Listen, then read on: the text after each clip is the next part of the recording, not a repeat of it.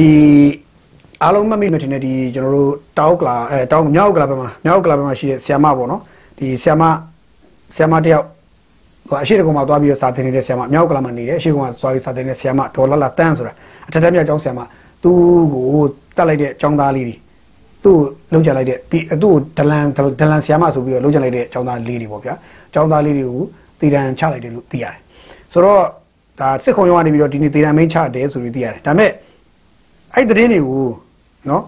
တချို့မီဒီယာရေးတဲ့ပုံစံလေးကိုကျွန်တော်ဖတ်ပြကြည့်ချင်လို့ပြီးခါတော့တွေးစေချင်တာနော်တွေးစေချင်တာလေးဘယ်လိုရေးထားလဲဆိုတော့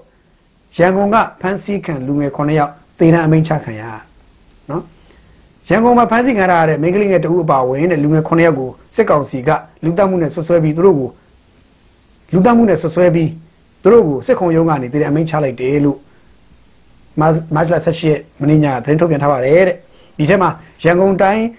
ဒေသကြီးအရှိတကုံမြို့နယ်က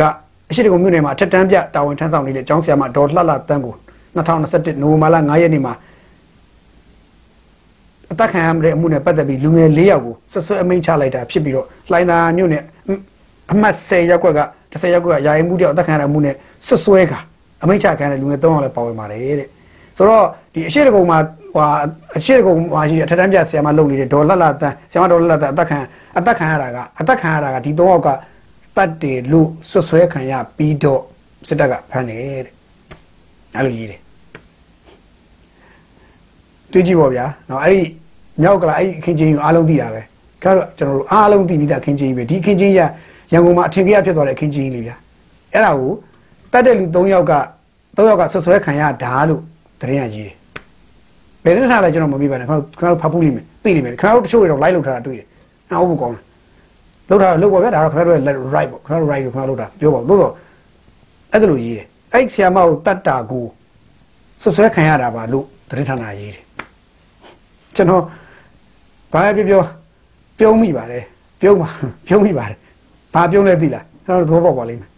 တော်တော်ရည်ရတဲ့လူတွေတော်တော်တရားကြဖို့ကောင်းတဲ့လူတွေတည်င်းကိုထင်သလိုလိုသလိုအထိပ္ပယ်မရှိရေးပြတာအောလို့မစိုးရေးရဲတယ်ရေးရက်တယ် ရေးနိုင်တဲ့စိတ်ရှိတာအောလို့မစိုးဒီလိုမျိုးပေါ်ပေါ်တင်တင်အသက်ခံရတဲ့ဟာကိုတော့ဆွဆွဲခံရတာပါလို့ခေါင်းစဉ်တက်ရေးရလောက်အောင်ဉာဏ်ပညာတွေမြင့်မားသွားပြီအရန်ကိုကျွန်တော်တို့ဒီကမ္ဘာ့အပြင်ဘက်ကိုရောက်သွားပြီသူတို့ဉာဏ်ပညာအဲ့လောက်ရောက်သွားတာဖြစ်တဲ့အတွက်ဘာပဲပြောကျွန်တော်လိုက်မမီပါဘူးကျွန်တော်တို့မီဒီယာရဲ့ကျင့်ထုံးအရာဆိုရင်လိုက်မမီပါဘူးသူတို့ကကျွန်တော်တို့ကမ္ဘာမှာတော့မရှိတဲ့စီမင်းစီကမျိုးကျင့်ဝင်မျိုးကိုသူတို့မှကျင့်သုံးသွားနိုင်ခဲ့ပြီဘာပဲပြောစัจ java အပြင်အောင်သူတို့ရောက်ခဲ့ပြီထင်ပါတယ်သူတို့ရဲ့အတူခေါ်တွေကဘာပဲပြောကောင်းပါတယ် နော်အဲ့လိုရေးထားတာကိုတွေ့ရတယ်ဆိုတော့ဒီလိုပဲဒီလှိုင်သာမျိုးနဲ့ဆယ်ရက်ကွက်ကယာယီမှုတယောက်အသက်ခံရတဲ့အမှုနဲ့ပတ်သက်ပြီးတော့လေတဲ့ဆွဆွဲကအမိန့်ချခံရတဲ့လူငယ်သုံးယောက်ကလည်းအဲ့လိုပဲတည်တယ်ချမှတ်ခံရဆိုပြီးပြောတယ်ဆိုတော့အဲ့လိုင်းသားမှာယာယီမှုအသက်ခံရတဲ့ကိစ္စလည်းဒီလိုပဲအသက်ခံရတဲ့ကိစ္စကိုဒီကလေးတော့ကဆွဆွဲခံရတာပါဆိုဒီကလေးတော့ကမတတ်ဘူးလားပေါ့နော်မတတ်ဖဲနဲ့ဆွဆွဲခံရတယ်ဆိုအထိပ္ပယ်မျိုးရအောင်ရေးတည်င်းကိုတည်င်းဆိုတာအမှန်တိုင်းရေးရတယ်လို့ပဲကျွန်တော်နားလဲထားတယ် ကိုတာစီခြင်းတဲ့လူကိုတာစီနာစီခြင်းတဲ့လူကိုနာစီ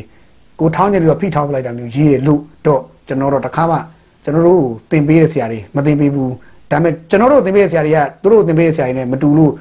ဖြစ်ရင်တော့လည်းမသိဘူးပေါ့ဗျာနော်ဒီမီဒီယာကျင့်ဝတ်ကြီးကသူတို့ရှိမှသုံးတဲ့ကျင့်ဝတ်ကတစ်မျိုးကျွန်တော်စီမှာရှိတဲ့ကျင့်ဝတ်ကတစ်မျိုးဆိုရင်တော့လည်းမတူမသိဘူးပေါ့ဗျာရှင်းမှာဟိုဂိုင်းကနကွဲသွားရင်တော့လည်းကျွန်တော်လည်းမသိဘူးပေါ့ဗျာအဲ့တော့ဘယ်လိုဖြစ်ဖြစ်အံ့ဩပါတယ်လို့ဒီလိုရေးတာတွေကျွန်တော်ကြည့်ပြီးတော့ကျွန်တော်တော်တော်မျက်ခုံးလေးပင့်သွားတယ်ဟော